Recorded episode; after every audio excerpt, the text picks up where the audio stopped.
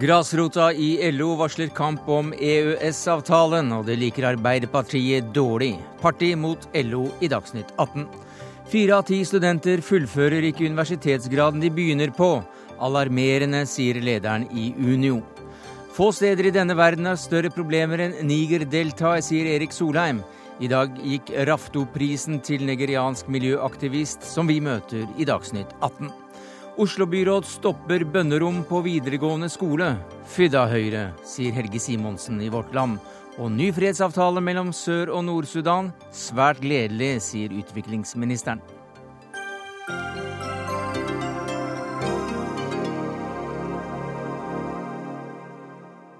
Ja, Det er noen av sakene i Dagsnytt 18 denne torsdagen, der vi også får historien om Hitlers norske budbringere.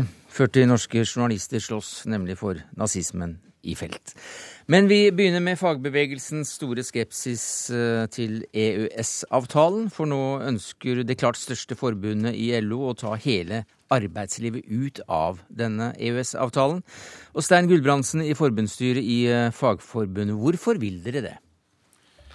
Det landsstyret i Fagforbundet har gjort i dag, er å behandle innstillingen til LO-kongressen. Og det er jo da de forslagene som har kommet inn fra våre foreninger. Men hvorfor vil dere ta arbeidslivet ut av denne EØS-avtalen? Altså, vi har lenge hatt en skepsis til overstyringen EØS-avtalen har i forhold til norsk arbeidsliv. Hva, den trusselen den utgjør mot den norske modellen. Hvordan direktiver og forordninger, og ikke minst EU-retten, setter rammer som overstyrer partene i norsk arbeidsliv. LO-kongressen i 2009 ba om å få en utredning av eh, forholdet til EØS. Det har vi fått. Og så har vi og LO IT-forbundet i tillegg eh, med noen andre fått utredet alternativer. Men i hele perioden har vi fått stadig nye utviklinger som vi og våre medlemmer opplever at truer det anstendige mm. arbeidslivet. Ja, hva er det du sikter til, bortsett fra vikarbyrådirektivet? Altså, vi har jo angrep på streikeretten. Vi har eh, oppsplitting av arbeidsplasser, eh, konkurranseutsetting eh, altså, Og stadig ulike tilfeller av sosial dumping. Så kan man selvfølgelig diskutere hvor mye av det som skyldes norsk markedsliberalisme, og hvor mye som skyldes EØS-avtalen. Eh, e og det er det vi skal gjøre nå, for vi har med oss Raymond Johansen, du er partisekretær i Arbeiderpartiet. Hva synes du om eh, Fagforbundets utspill? Ja, Samtidig så er jo uh, i hvert fall uh, Fagforbundets leder veldig tydelig, jeg tror også Stein Gulbrandsen har vært tydelig på det i dag, at de er for EØS-avtalen. Og uh, det er bra, for EØS-avtalen har vært veldig god for Norge. Vi har Europas høyeste sysselsetting, og også hatt en betydelig velstandsøkning. Ja, du, skal ikke, Samtidig, du skal ikke lese langt før du møter en viss skepsis når det gjelder hele EØS-avtalen i disse papirene. Sier... Men la oss nå forholde oss til det vi skal diskutere, nemlig Fagforbundets uh, ankepunkter mot ja. denne EØS-avtalen, og at de faktisk vil ha, ta arbeidslivet ja. ut av denne da, avtalen. Da slår jeg først fast at EØS-avtalen er viktig for Arbeiderpartiet. Den har vært viktig for regjeringen, den har ligget til grunn for Soria Moria 1, Soria Moria 2. Samtidig så har det vært veldig viktig for oss å ha høye standarder på arbeidslivsspørsmål. Vi har eh, vedtatt fremma 30 tiltak for eh, hvordan vi skal bedre arbeidstakernes rettigheter, innflytelse. Eh, jeg har stor forståelse for en del av de bekymringene som er ute i, ute i arbeidslivet. Vi har hatt en særlig fra 2004. Men nå må jeg nesten få stille deg spørsmålet jeg begynte med, Raymond Johansen. Hva synes du om Fagforbundets uh, utspill? Jeg er i, uh, skeptisk uh, til å kunne ta ut en sånn del av EØS-avtalen. Hvorfor det? fordi jeg tror vi får en, en, diskusjon om hele avtalen, eller snakk om reforhandling av avtalen. Men det jeg slår fast, er at vi er for EØS-avtalen, har vært veldig god. Samtidig så mener jeg at vi kan gjøre en langt bedre jobb enn det vi har gjort. Jeg mener det arbeidet vi gjør i Brussel på et mm. tidligere stadion, er veldig bra. Det at vi f.eks. jobbet så aktivt for å få sikra hjemfallsrett for norsk eh, vannkraft, var jo et eksempel på at vi ikke bare kan få direktiver og la det bli tredd ned ved huet på oss. Men nå er det også arbeidslivsdelen i EØS-avtalen vi snakker om, Johansen, så vi, vi holder oss til det foreløpig i hvert fall. Fagforbundet vil altså ta denne delen ut, og her hører vi at uh, sekretæren, generalsekretæren i Arbeiderpartiet synes det er en tvilsom vei å gå, fordi at da er hele EØS-avtalen i spill. Ja, altså... Nå har eh, vårt landsstyre ut ifra den virkeligheten våre medlemmer eh, opplever, kommet med dette forslaget til LO-kongressen. Eh, og vi vet at andre forbund gjør lignende vedtak. sånn at jeg tror at dette, noe som ligner på dette, kommer til å bli Kongressens vedtak. Men, men hva hvis hele EØS-avtalen da kommer i spill, og at hele EØS-avtalen står i fare? Er dere villige til å ofre den? Altså, nå har vi i dette vedtaket ikke tatt stilling til EØS-avtalen. Altså, vi har ikke gått videre med de forslagene.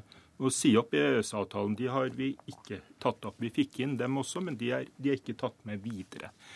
Så kan man selvfølgelig diskutere hva EØS-avtalen har betydd. Altså, Den offentlige utredningen konkluderer jo med at man ikke kan dokumentere at den, har, at den er skyld i den voldsomme velstandsutviklingen vi har hatt, men et flertall velger å legge til, til, grunn, som eh, det står i utredningen. Men altså, det er ikke det vi diskuterer. Nei, vi, det er nettopp det er ikke det vi diskuterer. Nei. Nå diskuterer vi faktisk arbeidslivsdelen ja. i EØS-avtalen. Og et annet spørsmål til deg kan være hvordan tenker dere det, eh, dette gjort? Og så kan man fjerne arbeidslivsdelen ut av EØS-avtalen med et kirurgisk inngrep, så å si? Er den så konkret nedfelt i avtaleverket? Nei, det er den ikke. Hvordan tenker dere da, uten Nei, altså, å sette hele EØS-avtalen i spill? Altså, altså, Begrepet 'sette EØS-avtalen i spill' Her er det spørsmål om politisk vilje. Hvis LO-kongressen ber om dette, så forventer vi at mm. de tre rød-grønne partiene tar LO-kongressen på alvor. Mm. Og vil, vil, dere gjøre det, Johansen? Ja, selvfølgelig. LO-kongressen LO er, er, viktig. Det var en viktig del av plattformen for det rød-grønne samarbeidet i 2005 like mye som det var viktig for oss å få inn både i Soria Moria 1 og Soria Moria 2 at EØS-avtalen eh, e er det vi styrer på grunnlaget av. Så hvis Fagforbundets ønske går igjennom på LO-kongressen eh, til, eh, til, neste men, år, men, i mai, så men, vil det også bli Arbeiderpartiets men, politikk Men la meg bare begynne å si at vi er like opptatt av arbeidstakernes rettigheter som noen andre. Derfor har vi fremma så mange forslag på det, og det har vært helt grunnleggende gjennom 125 år mm. med, med Arbeiderpartiet. Men la meg si at jeg mener jo opplagt at den største faren for arbeidslivspolitikken i Norge er ikke EØS-avtalen, men det er en borgerlig regjering. Eh, la nå, la nå det ligge. Jeg syns det er absolutt den, den, den, største faren. Som du sa, hvis, la det ligge. Men det er det det egentlig dreier seg om. Men la oss si hvis uh, vi, vi, snakker om uh, EØS-avtalen som har vært god. Men det er klart at siden 2004 så har det kommet mye arbeidskraft, særlig fra Øst-Europa, inn i Norge. Av alle som har kommet inn til de nordiske landene eh, siden 2004, så har 60% av de kommet til Norge. Og de har kommet hit for de gode grunner. Her har det vært arbeid. Det har vært behov for, eh, for, arbeidskraft. Og jeg tror vi må si det, Stein, at vi har en felles utfordring også i forhold til det å organisere mye av den arbeidskraften. At vi står sammen i kampen mot uh, sosial uh, dumping. Mm. Uh, så, så, det er jo egentlig hver eneste dag så foregår en kamp. Og jeg skjønner bekymringa innenfor omsorgsyrkene, innenfor restaurant, innenfor mm. bygg. Men det har vært bra for Norge. Mm. Men ryddighet i arbeidslivet er en grunnpilar for oss. Men det, går, det, går eh, det på bekostning av ryddigheten hvis EØS eh, e rokkes ved? Jeg mener EØS-avtalen eh, e er en Det er det vi snakker om. Ja, men EØS-avtalen har vært en grunnpilar og det har vært mulig for oss hele veien å ha høye standarder, selv med en EØS-avtale. Og vi har fremma det hele tiden. Og det vil jeg være veldig tydelig på. Jeg mener den største trusselen er borgerlig regjering, og at ja. det burde vært fokus. Men hva skjer hvis eh, LO-kongressen i mai neste år går inn for å reforhandle EØS-avtalen for å få fjernet arbeidslivet i den? Hva, hva da, gjør Arbeiderpartiet da? Det første, hvis man, det er jo da, som du selv sier, så er det da en avtale mellom to parter. Det man da er jo at man må begjære en reforhandling av avtalen. Og det men, må alle Hysj, nå skal jeg forklare hva da vil skje. Nei, nei, vi har, det er de 27 andre medlemslandene. Ja. Dette skal vi komme tilbake til. Vi har en EU-rettekspert stående og vente. Men hva vil Arbeiderpartiet gjøre da? Vil de godta det direktivet så fra, fra, LO da? Arbeiderpartiet er veldig tydelig på at vi mener EØS-avtalen, som jo utgangspunktet også var et nasjonalt kompromiss, mm. og det er også et kompromiss mellom NHO, NO og i Arbeiderpartiet. Så mm. vi styrer veldig godt på, på EØS-avtalen. Det har vært vil, god hvis, for Norge. Men hvis LO-kongressen da sier at de vil reforhandle den avtalen, sier Arbeiderpartiet at ja, da gjør vi det? Arbeiderpartiet er veldig tydelig på at EØS-avtalen slik han ligger nå, er veldig bra. Mm. Like viktig som det er for å ivareta arbeidstakernes rettigheter, er helt fundamentalt også for mm. oss. Derfor jobber vi for det hver mm. eneste dag. Raymond Johansen, partisekretær i Arbeiderpartiet. Jeg har hørt deg klarere i debatter i Dagsnytt 18. Vi får se om vi får det til en annen gang med Stein Gudbrandsen, forbundsstyret i, i Fagforbundet. Vi eh, gjør det klart at vi får inn en eh, ekspert på EØS-reglene. Og det første spørsmålet da til Jon eh, Erik Dølvik, seniorforsker ved forskningsstiftelsen Fafo, det er jo da om det er praktisk mulig å ta ut arbeidslivsdelen av EØS-avtalen. La meg svare sånn. Jeg tror man må se dette som et politisk kompromissvedtak, og ikke som et forslag til en reforhandling av Norges eh, tilknytningsform. Okay. For arbeidsliv er eh, involvert i alle de fire friheter, hele regelverket rundt det indre marked, og, og omfatter så mange områder at hvis man skulle begynne å plukke det ut, så ville nok EØS-avtalen som slik vi kjenner den nå, øh, falle sammen. Så, jeg, så, hvis dette skulle bli en realitet, at LO-kongressen går inn for nei, dette her, så har Raymond Johansen rett i at da er EØS-avtalen i spill? Ja, så Hvis man arbeidsliv gjelder fri bevegelse av tjenester og arbeidskraft, mm. som er to av de fire frihetene mm. Fri kapitalbevegelse berører også arbeidslivet. Og det fins en konkurranseregler, statsstøtteregler osv. Så, videre, og så, så hele konstruksjonen er jo en avtale som regulerer produksjonsliv, økonomi og arbeidsliv. Men jeg leser ikke av, eh, den, dette vedtaket eh, på en slik måte at det må nødvendigvis bokstavelig må tolkes slik. Man legger først og fremst vekt på at EØS-avtalen Man må passe på at EØS-avtalen ikke berører norske arbeidstakerrettigheter og faglige rettigheter. Og i all hovedsak så har jo det vært tilfellet. Og i all hovedsak er det mulig. Så det kan også tolkes innenfor avtalen, slik Stein Gulbrandsen fra Fagforbundet nettopp sa. Så jeg oppfatter det som et kompromiss mellom uh, ulike krefter som ønsker ulike ting, har ingen klar strategi, mm. men de ønsker å påvirke debatten i Norge om dette. Hvordan forklarer du dette som nå skjer i Fagforbundet, Magnus Takvam, og i andre deler av LO? Du er eh, politisk kommentator her i NRK. Ja, det er jo eh, For det første så er det nå på rekke og rad en masse fagforbund som kommer med innspillene sine til LO-kongressen før 1.11, fordi den skal fatte det endelige vedtaket om LOs syn på EØS. Så Derfor så får vi nå forbund etter forbund eh, om det. Og så har det, eh, som dere har vært inne på, etter 2005 blitt en arbeidsinnvandring til Norge som ingen egentlig så for seg kunne bli av de dimensjoner. Og det er helt åpenbart at det har ført til et press eh, reelt press, særlig kanskje i en del lavlønnsyrker, på, på lønninger og eh, arbeidsforhold osv. Så, videre. så det at fagforeninger som er opptatt av å reagere på, på urett og på, på sosial urettferdighet osv., tar opp dette spontant, det syns jeg ikke er rart. Men hva sier du til uh, hva dette sier, kan si for forholdet mellom LO og Arbeiderpartiet? Dette er, For det første er det en sak internt i LO. Det som eh, utspiller seg nå, viser jo at LO-ledelsen, som i prinsippet er positiv til eh, EØS-avtalen, og nærmest ad, har advart mot den typen fokus på EØS på bekostning av en kamp mot høyrekreftene, ikke har kontroll i egne rekker. Mm. Det så vi også i vikarbyrådirektivsaken, der jo LO etter eh, et år ble tvunget til å gå inn for veto. Så det er et uttrykk for at LO-ledelsen har ikke kontroll i egne rekker. Mm. Og eh, dermed så, så, så, blir det et fokus som, eh, som smitter over på Arbeiderpartiet. Og Forholdet mellom LO og Arbeiderpartiet, hvordan kan det bli påvirket av dette? Ja, Du har jo sett nå i nominasjonsprosessen i, i, Arbeiderpartiet, de som såkalt hadde da et feil standpunkt i vikarbyrådirektivet, de får et press fra de lokale fagforeningene om ikke å bli nominert.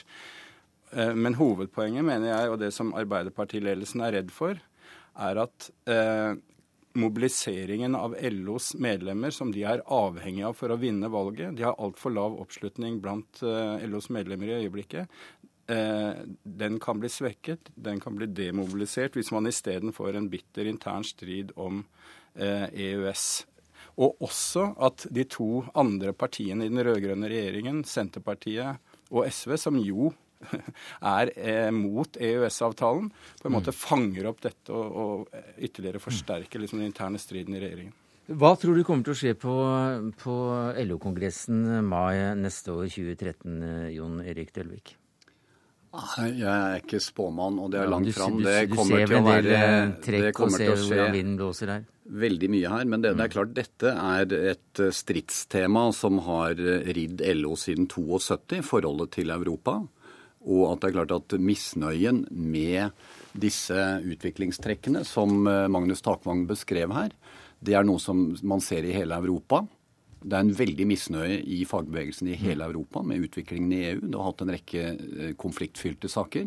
Så dette kommer til å være et kjernespørsmål. Men utfallet tror jeg er veldig uvisst. Og, og derfor jeg la vekt på kompromiss. Mm.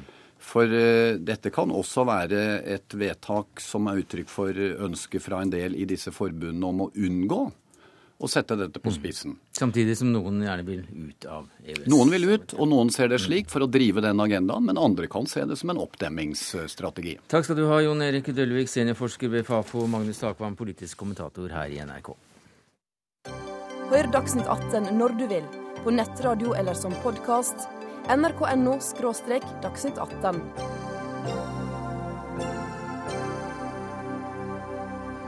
Så til ettermiddagens nyhet fra fredsforhandlingene mellom Nord- og Sør-Sudan, som skal være gledelig, skal vi tro de siste meldingene. Tom Christiansen, utenriksjournalist i NRK, mangeårig Afrikakorrespondent, hva har skjedd?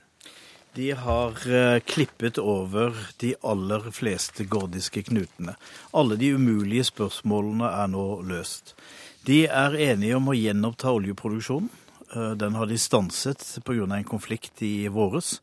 Eh, det trenger de begge to, for eh, kassene er eh, bunnskrapte. De har blitt enige om en demilitarisert sone langs grensa hvor det har vært mye konflikt. Alle militser skal ut av det området. Det skal være fritt for soldater. Det skal være geiter og bønder som skal være der, og ingen andre. De er også enige om å gjenoppta handelssamarbeidet seg imellom. Og, og så gjenstår det da fem regioner hvor de ikke er enige om grensene. Det får de ta en annen gang. Og så er det Abyei, hvor det har vært mye konflikt, hvor det bor søringer. Og så er det noen nordinger som er nomader som går inn og ut. Og hvem tilhører nord, og hvem tilhører sør. Og dessuten er det masse olje under eh, bakken. Det gjenstår. Vanskelig sak. Men nå har de altså løst mange av de spørsmålene som mange har sagt dette er umulige saker. Dette blir de aldri enige om. Men eh, viktig er det da altså at eh, sør, som da har den meste, mesteparten av oljen, får transportert eh, oljen sin eh, gjennom nord? Den skal nå som før transporteres i rørledning gjennom nord og skipes ut. Men er de da blitt enige om prisen? for... Ja, de er blitt enige om prisen. De er blitt enige om hva de skal ha for å, å skipe den mm. olja gjennom. Og de har jo hverandre. Sør har oljen, og nord har uh, rørledningen. Og uten at de samarbeider, så blir det jo ingenting. Nå er de enige om det, og det er på en måte et grunnlag for å kunne gå videre. Du var jo selv uh, rådgiver for uh, presidenten i eh, Sør-Sudan, og du traff eh, forhandlingsgruppen i Addis Abeba for ikke så mange dagene siden. Hvordan var stemningen? Eh, Sør-Afrikas tidligere president Thabo Mbeki er jo den som har ledet forhandlingene og vært megler. Han ga uttrykk for at det er nå eller aldri. Jeg traff han i en pause i forhandlingene, og han var veldig klar for at nå er hans tid ute for, som, som mekler. Det er nå og han regna da med den søndagen, altså som da jeg møtte han. Men så har han da blitt sittende, og sitter fortsatt, og nå er de blitt enige om alle disse tingene. Da kan han avslutte sitt Nå fikk jeg ikke hilst på gamlesjefen min, Salva Kiir, men han sier i dag at han er veldig fornøyd med denne avtalen, men han beklager at min bror Bashir ikke, ikke kunne gå den annen mil når det gjaldt spørsmålet om Abiyei, som er et mm. omstridt uh, område. Og broren var altså da presidenten i Det var presidenten i, uh, i nord, ja. Sånn snakker man, og det er måtene å komme fram til enighet. Men vil en slik enighet bli faktisk og reell politikk? Alle fredsavtaler er skjøre blant folk som ikke er vant til demokrati, og folk som ikke er, eh, lever et fredelig liv. Her er masse militser, det er mye våpen i området. Derfor er alle disse avtalene skjøre. Men denne oljeavtalen har begge parter glede av og nytte av, og er nødvendig for, eh, for, for dem begge. Og så, når de har fått laget en buffersone, demilitarisert sone, så har dette større mulighet for å lykkes. Takk skal du ha, Tom Christiansen, utenriksjournalist her i NRK. Vi skulle hatt med oss eh, utviklingsminister Heikki Holmås, men han eh, tok ikke telefonen eh, som vi egentlig hadde avtalt, men sier altså at dette er en veldig gledelig dag, og at Norge har kjempet og arbeidet lenge for dette.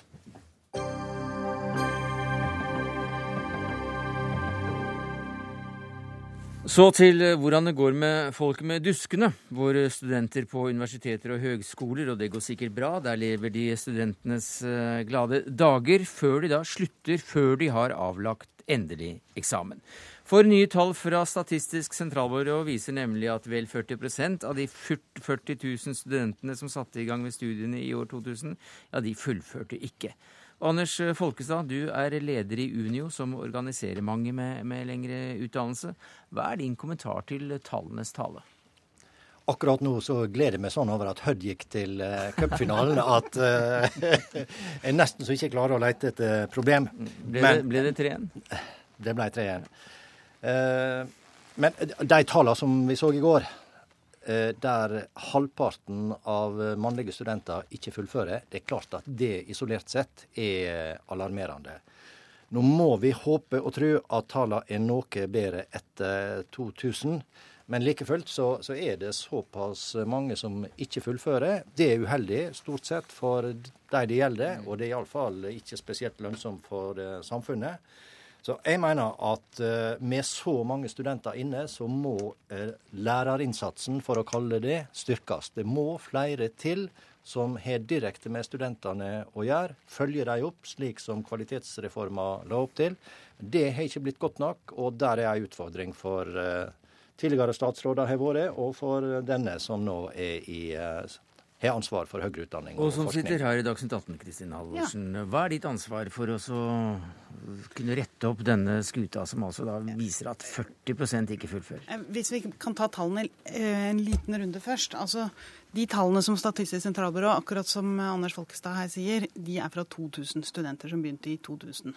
Og I 2003 ble det da gjennomført en kvalitetsreform, og vi ser fra tall fra 2006 at, at det er en, en liten bedring. Men vi har en stor utfordring når det gjelder frafall og studenter som ikke fullfører.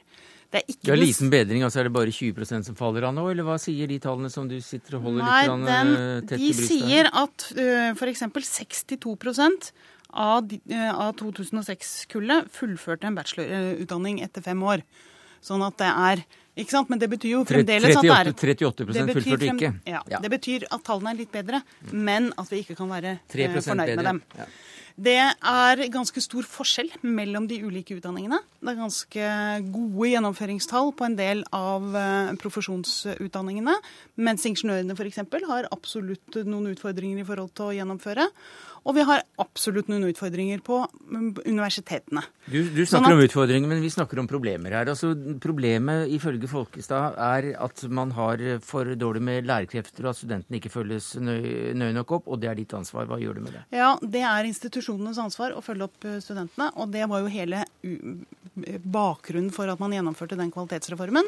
Og jeg hadde trodd at vi skulle se flere forbedringer eh, på gjennomføring av eh, studieløp blant studentene på dette. Og jeg frykter at undervisningsdelen, utdanningsbiten av det som er høyskolene og universitetenes oppdrag, eh, har for liten status og prestisje i forhold til den forskningsdelen som de har. Og at det gjør at man vekter oppmerksomheten for lite. Er du beroliget over dette her eh, interesse. som leder av Unio? Nei, altså Det kan være noe rett i at utdanning har for lav eh, status. Men samtidig så ser vi at eh, de ansatte må flytte sin tidsbruk ut av normaldagen for å drive forskning på, på ettermiddagen og fritida. Nettopp for å håndtere studentene på en rimelig måte. Og, og Jeg hører at statsråden sier at dette er institusjonene sin, sitt ansvar. Eh, det er selvsagt de som driver utdanninga, det er de som driver forskninga, men de må ha midler til å eh, gjøre jobben. Og det har vært for svak vekst når det gjelder ansatte og deres muligheter i forhold til den formidable studentveksten det har vært de siste åra. Og her ser vi noe av eh, konsekvensene. Politikerne, og det gjelder ikke bare denne regjeringa, også eh, de som styrte eh, da kvalitetsreforma ble innført, la for lite vekt på å realisere ideene. Men nå er det du som styrer eh, budsjettet her eh, inn i, inn i statsbudsjettet. Jeg- Beklageligvis ikke helt alene. Nei, det var det. Jeg pleier å si at bare send alle pengene til meg, så ordner vi det meste. Fordi utdanning er så grunnleggende for om folk skal lykkes, og om samfunnet eh, skal lykkes. Men jeg når vel ikke helt fram med det. Men eh, det er klart det er et ressursspørsmål eh, også. Men jeg tror i, og- også at det er ganske stor forskjell mellom institusjonene, hvordan man følger opp studentene. At man kan se mye mer på hvilken ressurs studentene er.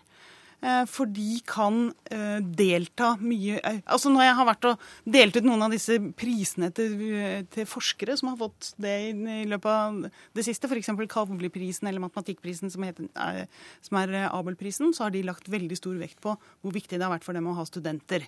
Sånn at det er en, et område som bør få mye større oppmerksomhet. Og så må vi jo forvente noe av studentene sjøl også. Ja, er, de, er de for late? Er er det døgnikter og, og latsabber? Jeg tror ikke de er noe latere enn du var da du studerte, for å si det sånn, eller enn folk var før.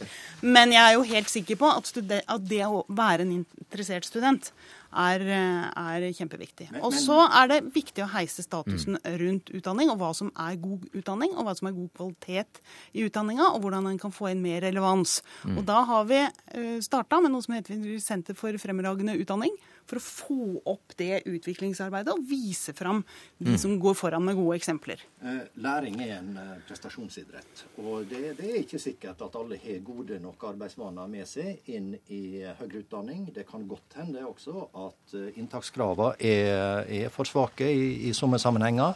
For det vi nokså entydig ser, det er at der studentene har skal vi si, høye studiepoeng og samtidig får god oppfølging, der er gjennomføringa nesten eh, 100, mm. Og det har også med ressurser å gjøre, som man kan lese av statsbudsjettet. Og Kristin Halvorsen alt- representerer jo også hele regjeringen her, da, som Jo, står men for som alt annet når det gjelder utdanning, så er det nær sammenheng mellom de studentene som har høy, i høy grad gjennomfører, og deres foreldre igjen sin eh, utdanningsnivå. Sånn at vi har noen eh, absolutt utfordringer her også når det gjelder hva slags grunnlag elevene har med seg. Per- studentene har med seg. Vi er nesten, nesten, nesten nødt til å ta inn nummer er tre her i panelet. Per Olav Aamodt, du har sittet stille som forsker ved NIFU, Nordisk institutt for studier av innovasjon, forskning og utdanning, og tenkt antagelig dine tanker når du har hørt denne debatten mellom aktørene her.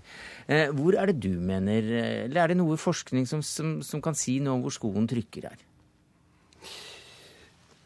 Vi forskere er jo flinke til å påpeke hvor, hva som er av problemene og finne ut hva man skal gjøre med dem. Mm. Jeg er ikke sikker på om de to aktørene egentlig setter fingeren på de riktige stedene. Nei.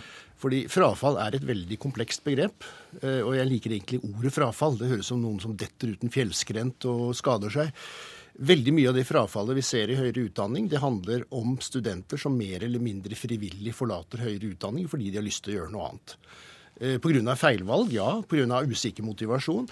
På en måte er noe av frafallet prisen å betale for at vi skal ha et åpent, inkluderende utdanningssystem. Det er helt riktig som Anders sier. Hvis vi var ekstremt selektive, hvis alle studier hadde samme opptakskrav til medisin, så ville sikkert frafallet gå ned mot null.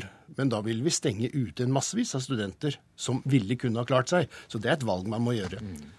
Så stort frafall betyr egentlig er en indikator på at vi har et ganske åpent eh, system? Det er en av, en av sakene. Det, og, og, en del Det også man må gjøre her, skille mellom For det, det, rene frafallet, altså andelen av universitetsstudenter som helt blir borte i løpet av tre år, er ca. Uh, en fjerdedel. Jeg vet ikke om det er veldig dramatisk. Men i tillegg så er det veldig mange studenter som flytter på seg. Jeg pleier å si at norske studenter har et veldig rotete studieløp. De hopper inn og ut, fram og tilbake, går inn i noen studier. Og veldig mange av særlig universitetsstudentene de beveger seg over i andre studier. Men de fortsetter ofte og fullfører. Og det er knapt noe stort problem. Men de tallene vi fikk i går, selv om vi ikke skal legge all vekt på dem, de handler jo om fullført eh, ja. grad. Så sammen mm. om de har reist landet rundt, så har de altså ikke, ikke klart dette her. Og de tallene som Kristin Halvorsen viste til, var jo altså folk som hadde brukt fem år for å nå en bachelorgrad, og likevel hadde 40% av den populasjonen uh, ramla av. Og, og, så skal det nok legges til at én uh, grunn til at en del slutter, er jo at de tr trass alt finner seg i et bra arbeidsmarked, jobb, mm. som kanskje til og med er bedre betalt enn de ville fått om de fullførte. Det virker som det er ganske mange positive men, sider ved at man har høye frafallstall. Vi, vi, snakker om en helt annen problemstilling her enn det vi gjør når det gjelder gjennomføring av videregående utdanning f.eks. For mm. Fordi at der er det veldig ofte en nøkkel til hva slags ståsted du har i arbeidsmarkedet resten av livet. Og, og det er helt riktig. Mange ganger skal man jo ønske ønske om å være forsker. Fordi, men hvis jeg hadde sagt det som du sier, så hadde det vært på en måte å skrive, fraskrive seg ansvaret for at dette er et område vi kan bli mye bedre på. Og da er det én ting er jo studenter som ikke fullfører og får den støtten gjennom utdanningssystemet som de burde ha. En annen ting er jo at er, vi sløser jo med ressurser hvis ikke vi klarer å få dette mm. her til å passe mye bedre sammen. Så dette er en av de tingene som jeg selvfølgelig kommer til å følge veldig nøye opp. Og hvor jeg er helt sikker på at jeg har mye å snakke med Unio om også, som jo er, er um, organisasjon for veldig mange ja. av de som jobber på utdanningssida her. Og Den samtalen kan fortsette utenfor studio, for vi må dessverre sette strek. Anders Folkestad, hørte du hadde lyst til å si noe som leder i Unio. Takk skal du ha, Kristin Halvorsen, kunnskapsminister, Per Ulle Aamodt, forsker ved NIFU.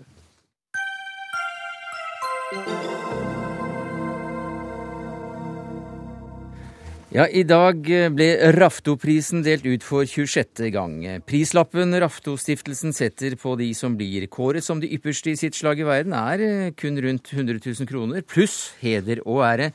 Men prisen skal eh, være, være høyere ansett enn det den rene kroneverdien skulle tilsi. I år er det den nigerianske miljøaktivisten Nimo Bassey som får heder og ære for sitt arbeid for fattige mennesker i området spesielt utsatt for klimakatastrofer og mot oljesølet i Niger-deltaet. Congratulations, Mr. Nimo Bassey. Thank you very much. You are joining us uh, on a telephone line from, from Lagos. Uh, uh, you have never actually talked directly to to to to the committee that uh, that pointed you out. Um, and uh, Mr. Martin Paulsen, you are the leader of the Rafto Prize Committee. You have never talked to Mr. Basse, but now you have the opportunity to direct on the Dagsnytt 18 from Bergen. What what do you want to say to him? Thank you for that. Um, I would like to congratulate you, Mr. Basse, on uh, being awarded the Rafto Prize 2012. I would also like to use this opportunity to thank you for the wonderful work you have done to draw attention to the plight of the poor and vulnerable across the globe in a time of troubling climate change. And uh, of course, lastly, I very much look forward to receiving you in Bergen in November. Well, I look forward to coming to Bergen also. Thank you. Thank you very much. Uh, Mr. Bessie, uh, tell us about your work.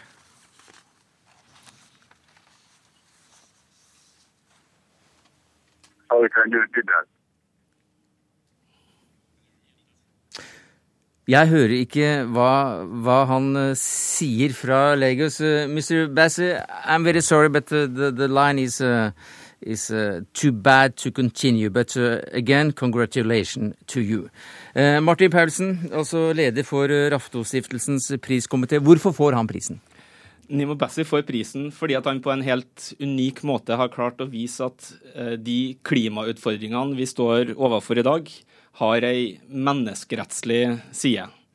Vi Han viser at når klimaet ødelegges, så er det jordas mest sårbare mennesker som rammes hardest.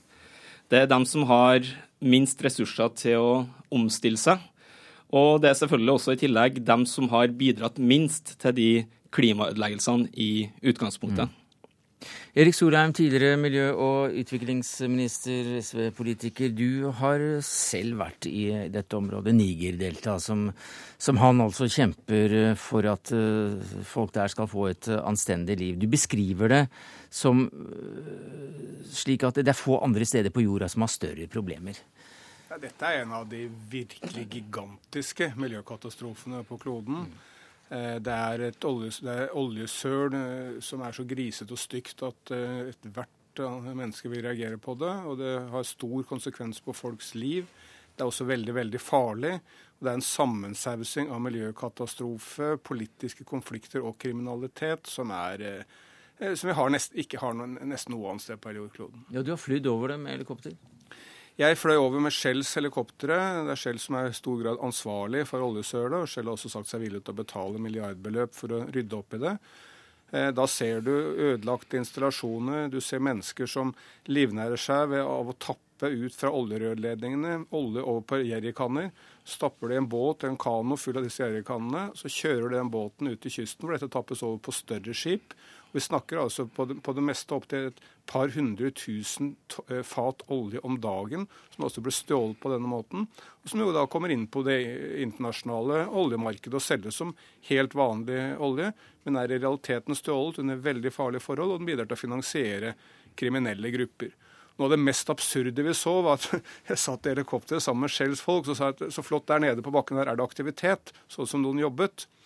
Og så sa han ja, men det du ikke ser, det er at det disse folkene holder på med, det er å kutte opp rørledningen og selge den som skrapjern. De kjører inn hundrevis, tusenvis av lastebiler. så Det er jo det er ikke, det er ikke, det er ikke enkeltpersoner som gjør det. Er store, store altså, kriminelle grupper, politiske organisasjoner, som livnærer seg av å selge dette skrapjernet. Så på det meste var det kjørt inn 2000 lastebiler for å kjøre, kjøre, kjøre, for å kjøre ut oppkuttede, oppkuttede rørledninger. Og den eneste man får for det, er skrapjernverdien av det.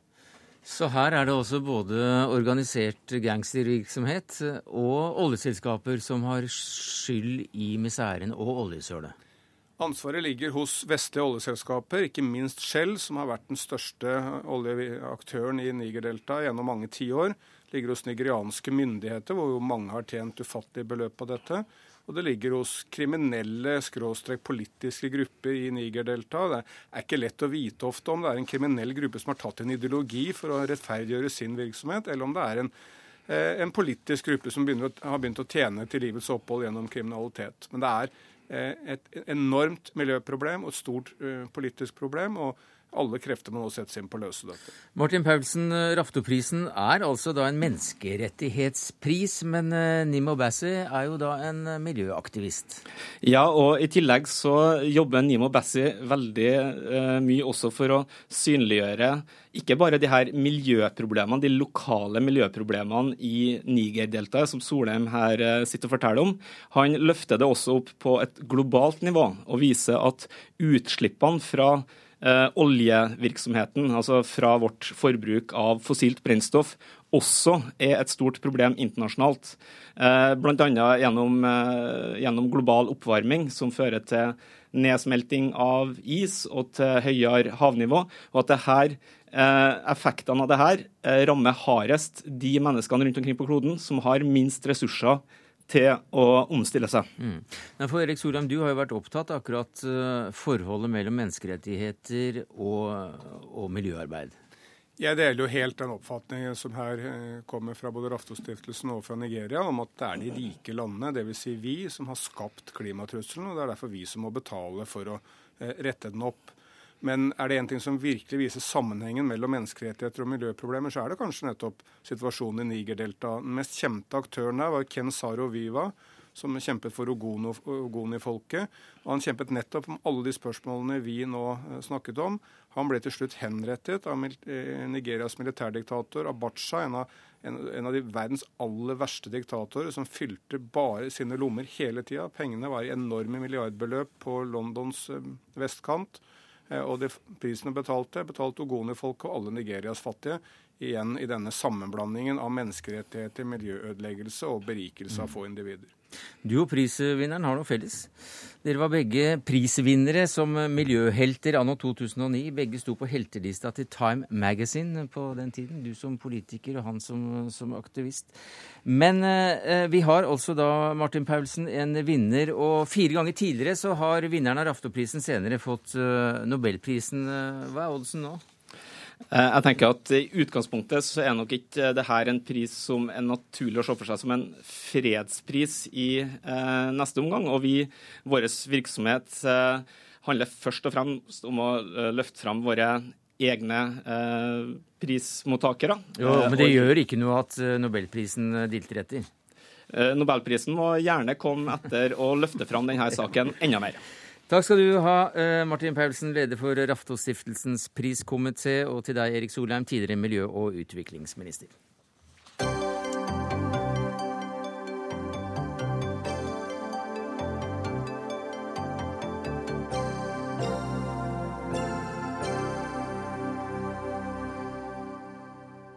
Bjørn Vestli, velkommen til oss.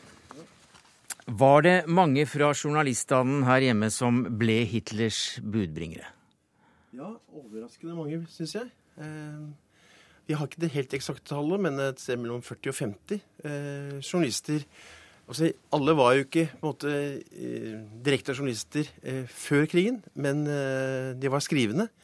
Eh, men det var også mange som da kom rett fra aviser og, og reiste ut til fronten for å Skrive Kjempe. om krigen.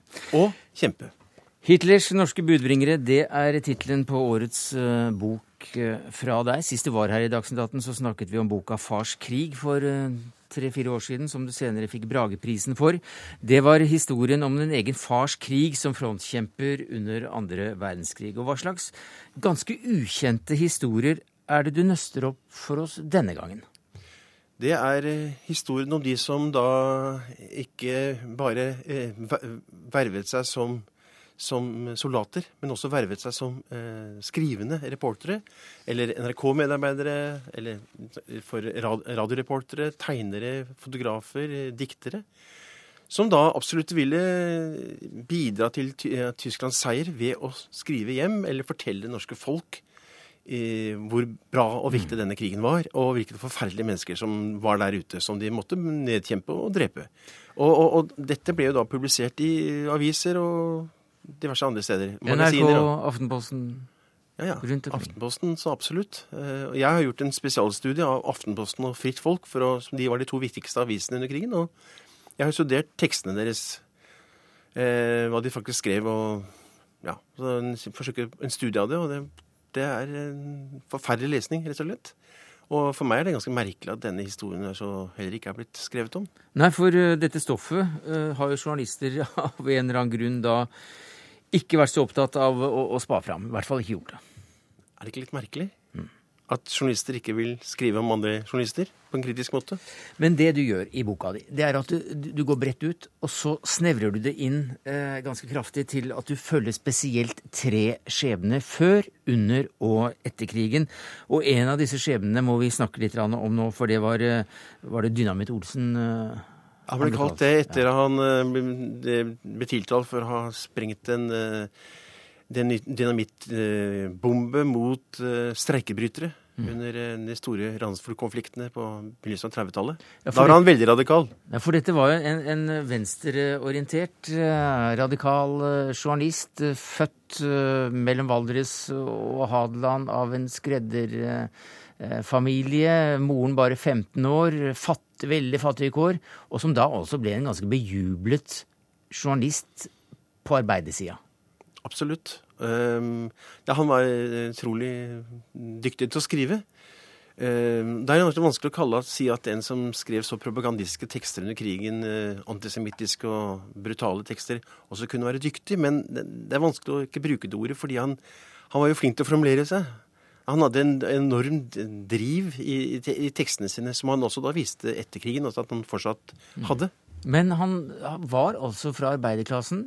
Han kjempet for fløternes uh, kår. Mm. Uh, og ble sett på som en litt farlig mann på, på venstresida og, og, journalist. Men hva skjedde da, siden han, han ble nazist og, og dro ut til, til østfronten? Ja, det er disse gåtefulle tingene som skjer med mennesker av og til, at de plutselig gjør noe helt annet enn det som var forventet av dem. Men det er klart at det, det var jo en viss proletarisk retorikk i noe av nasjonalsosialismen. Mm. Og, og, og, han ønsket jo forandring raskt. Han mente jo f.eks. at, uh, at Quisling var for lite radikal. Altså, det var jo folk fra arbeiderbevegelsen, og fra kommunistpartiet også, som, som jo ble, gikk med i Nasjonal Samling. Eh, nettopp fordi de trodde på en forandring gjennom dette styret. Dette tysk-norske styret. Eh, og eh, slik var det jo også i Tyskland. ikke sant? Og, og, og, eh, sånn at det, det, det, er litt ubehagelig å tenke på for den som tilhører venstresiden, og tenke at eh, vel, var det så lett, liksom? Mm. Eh, en annen ting som jeg også stiller som et spørsmål i boken, det er jo at eh, når man ser leser teksten til Osvald Olsen under krigen, at de var ekstremt antisemittiske. Hadde, han, hadde han også et jødehatt før krigen? Da han jobbet i Oppland Arbeiderblad? Mm. Eh, eller bare kom det i 1940, liksom? Og, eller, for det virker jo ikke som han liksom, noen har sagt at nå må du begynne å skrive antijødisk. Altså, det virker jo litt naturlig på en måte i tekstene. Dette går jo igjen i nesten alle disse krigsreporterne, at de har dette jødisk-bolsjevikiske dokumentasjonen. Mm. For det de gjorde, disse krigsreporterne, det var altså at de ble eh, nazistenes eh, våpen, så å si. De hadde våpen. De skjøt selv. De drepte folk der ute. De rapporterte hjem, og de var stolte av det. Og du har funnet fram, eller vi har funnet fram, et lite kutt nettopp fra Osvald Olsen da han rapporterte Var det fra Ukraina? Ja, fra Ukraina. Mm. Maskingeværene begynner å knitre. Karabinene heves. Fem jernkister brenner allerede før de er halvveis, og infanteristene blir liggende. Vi er snart i bedre humør. Bare bare panseret nå ville komme. Plutselig kommer fra venstre et uventet framstøt. Tre fiendepansere presser seg fram på 50 meters hold. Er de gale? Nei. Istedenfor granater slikker veldige ildtunger fram av rørene. Flammekasterpansere er det. Der hvor de kjører inn, er ingen motstand mer. Angriperne kan storme. Oberstherfyr V springer opp, roper sammen menn med håndgranater og pansernærkampvåpen. Og så stormer vi over. Hvor mange er vi? 12 eller 20? 5 eller 30? Likegyldig, vi må drive fienden vekk. Ikke noe galt med håndverket?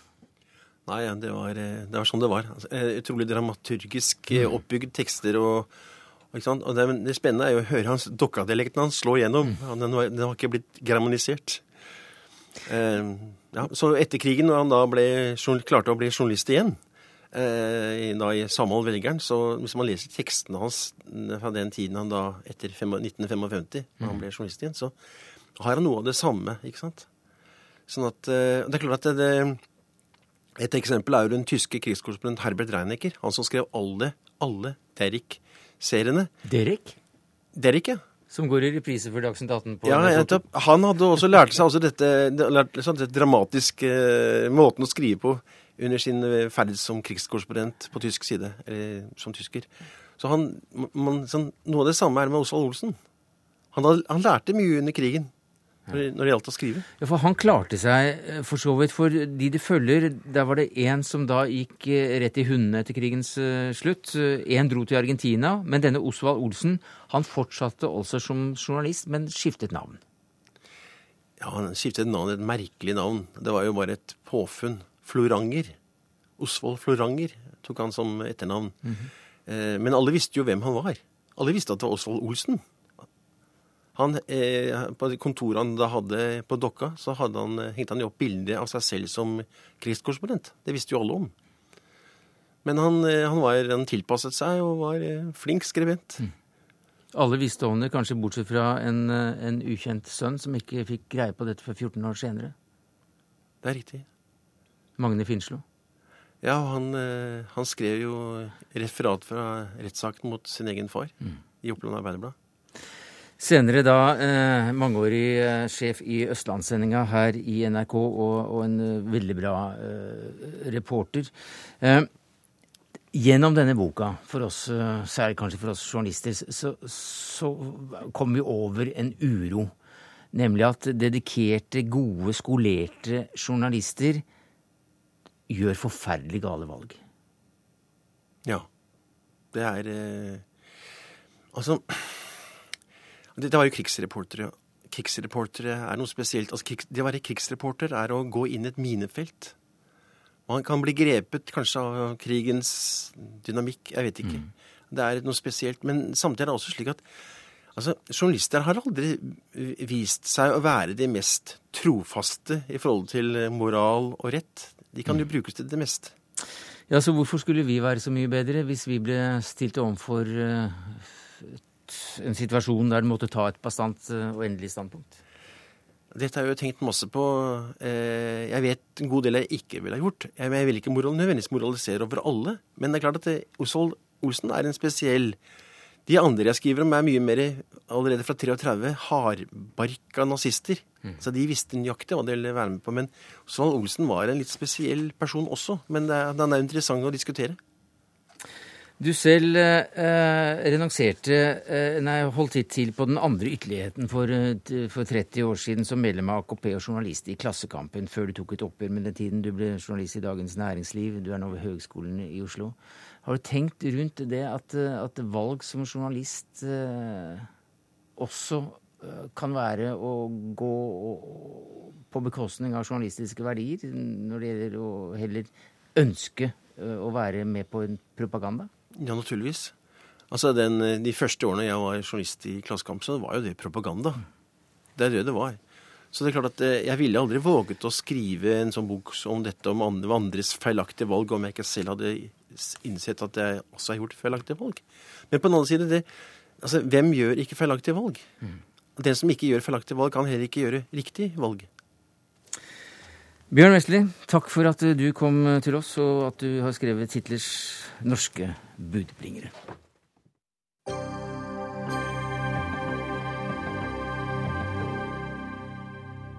Så til striden om egne bønnerom på skolene. For fram til i dag så mente mange at det skulle være opp til den enkelte videregående skole om den ønsket å legge forholdene til rette for bønn på skolens område eller ikke. Men i dag snudde skolebyråden i Oslo 180 grader. Stillerommet som Hellerud videregående skole ville åpne, blir ikke noe av, det har byrådet bestemt. Og det synes ikke du noe særlig om, sjefredaktør i Vårt Land, Helge Simones. Hvorfor ikke? Nei, for det første syns jeg det er feil beslutning. Eh, jeg mener at det skal legges til rette for eh, religiøs aktivitet i det offentlige rommet. Og for andre så liker jeg særdeles dårlig den prosessen som lå bak at eh, byrådet snudde.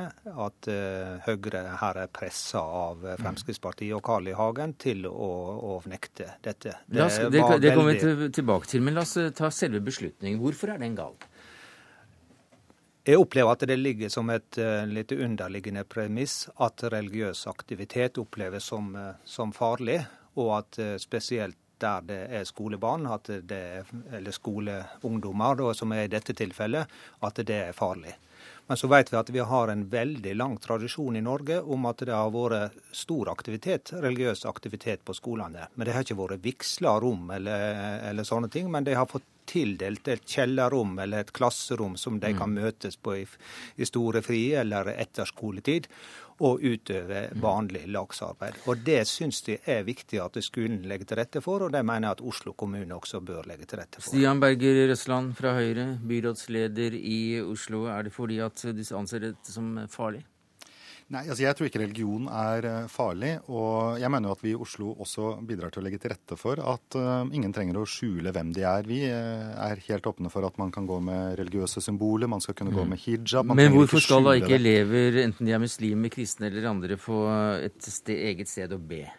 Nei, altså, B kan man jo selvfølgelig gjøre. Hvorfor jo... skal de ikke ha et eget sted på skolen som legger til rette for det? Nei, for jeg mener at skolen er et uh, fellessted. Skolen er et sted som skal være åpent for alle. Skolen er et sted som skal uh, drive med kunnskapsformidling, som skal drive med uh, utdanning. Og så har vi egne rom hvor man driver med, med religiøs utøvelse i kirker, i moskeer, i synagoger og andre, mm. andre steder.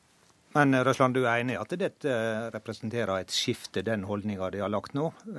For det, det, har jo vært slik at det har vært tillatt med religiøs aktivitet på, på skolene i, i både Norge og i Oslo. Og det, du, det, det, har jo sagt sjøl at dette må være opp til enk, hver enkelt skole. Da har de egentlig sagt at dette er et lite prinsipielt spørsmål.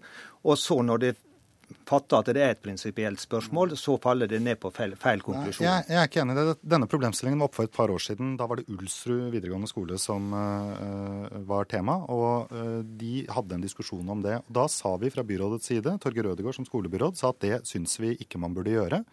Eh, og det var, det var, vårt syn. Men nå, nå, ble det, nå, ble det, ikke noe av på, på, på, Ulsrud den gangen. Men det som har skjedd nå, er at det altså ble bestemt at det skulle gjøres. Mm. Og Derfor så mener vi at det er riktig at vi fra byrådets side, fra kommunens ledelse, sier at vi mener at den beslutningen ikke bør, mm. bør, gjennomføres. Og Grunnen til det er jo ikke at vi skal forby noen å be. Vi skal ikke få noen til å legge skjul på at de har en religiøs tilhørighet.